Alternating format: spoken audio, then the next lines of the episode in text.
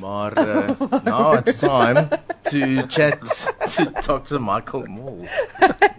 so this morning we're speaking to Dr. Michael Mol about bedwetting. Oh, Anton, you're just so wrong. he's, he's getting better, man. He's getting oh, so much better. the older he gets. So I love that. Happy, yes. Happy. to pee or not to pee? I think the best Oh, is, that's is that he brilliant. laughs the loudest for his own jokes. Yeah. Oh my gosh. Welcome, Michael. So lovely talking to you this morning. It's great to chat to you guys again, Rouchelle. How's it, Anton? I'm well. I'm very well. I'm super excited that you are uh, back on on bait today. Yay, so Yeah. nice. Okay. Yeah.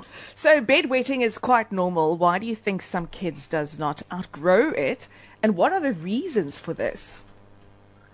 Well, firstly, kids do outgrow it, so it's quite a normal physiological thing, Rouchelle. Okay. So I think you said one in six kids in South Africa. Absolutely mm-hmm. right. I mean, that's common. You can imagine that's four or five kids in your child's class are wetting their bed. So that's important. And the reason kids wet their bed, in fact, the diagnosis of bedwetting is the involuntary passage of urine at night, which means it's never your child's fault. And I think you mentioned that too. Yeah. And it basically three reasons. Your, your, at that stage, your child is not, is producing too much urine at night. They're not producing a hormone that produces urine production.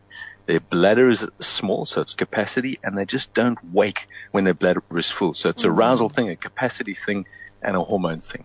And those are all natural things that disappear as a child grows up. So um, around 1% of kids will still be wetting their bed after the age of around 16, 17. Wow. So, uh, what should parents um, do to help change this, you know, behavior? So again, for one thing, don't punish your kids. That's, I mean, I, I've been doing this World Bedwetting Day campaign with Huggies for a number of years now, which is tomorrow, by the way. World Bedwetting Day. I never knew there was, but there is.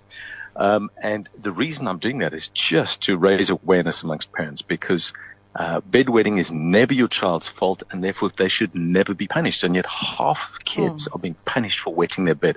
I was punished. I was a bedwetter. Yes, I, my mother made me dry my sheets and get up in the middle of the night. It was, you know, one of those things. But she didn't know. So this is Yeah. just telling parents it's not your child's fault.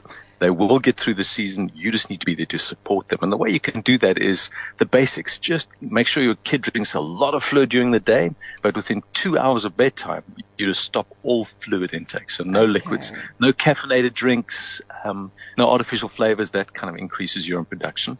The other thing parents shouldn't do is lift their kids. It's a crazy thing, but often what parents will do is they'll put their child down and then when they go to bed, they get, wake their kid up and say, Hey, you go to the loo. Don't do that. It doesn't work. In fact, it prolongs the season of bedwetting. So that's the other thing. Um, Huggies have got these great pull-ups that are really handy. That just take away the stress and the worry of waking up in a wet bed. So I would do that because it reduces the anxiety of going to bed and not knowing what's going to happen when I wake up. And then the other two things are bedwetting alarms, little uh, sensors in a child's underwear that wakes them up just before they start to wet their bed. And that teaches this brain bladder connection to mature. And hey, you've got a full bladder, wake up.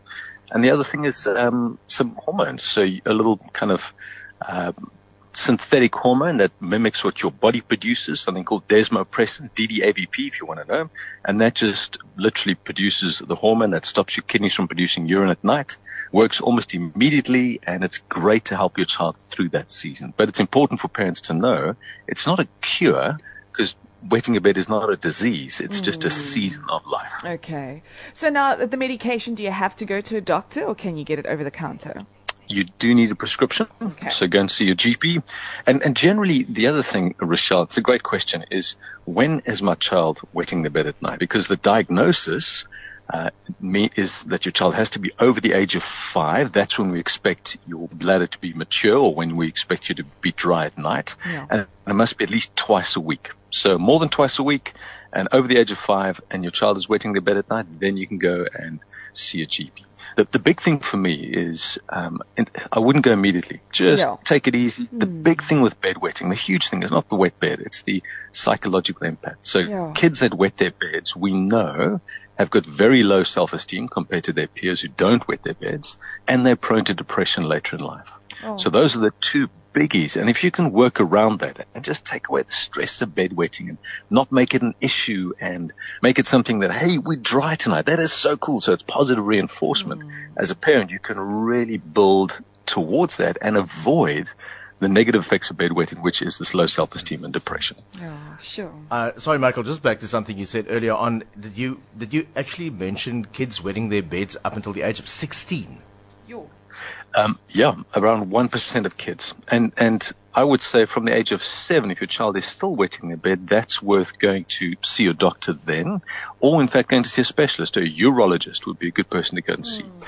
Often, kids that wet their bed that late in life are secondary bedwetters. So primary is all the things we talked about, the sort of the natural uh, maturing changes, but secondary is when a child has been dry for at least six months and then starts to wet their bed again. And often that's caused by, uh, you know, parental divorce or bullying at school or another sibling coming to the family. They are more psychological issues and, and that's something you want to investigate with a specialist. Mm. One of our listeners actually just sent a WhatsApp, Esmeralda, uh, asking, you know, is anxiety and stress, yeah. uh, you know, connected to bedwetting? So yes, I suppose it is. Absolutely. It, absolutely, secondary bedwetting. So mm. yeah, um, and again, that's something worth investigating.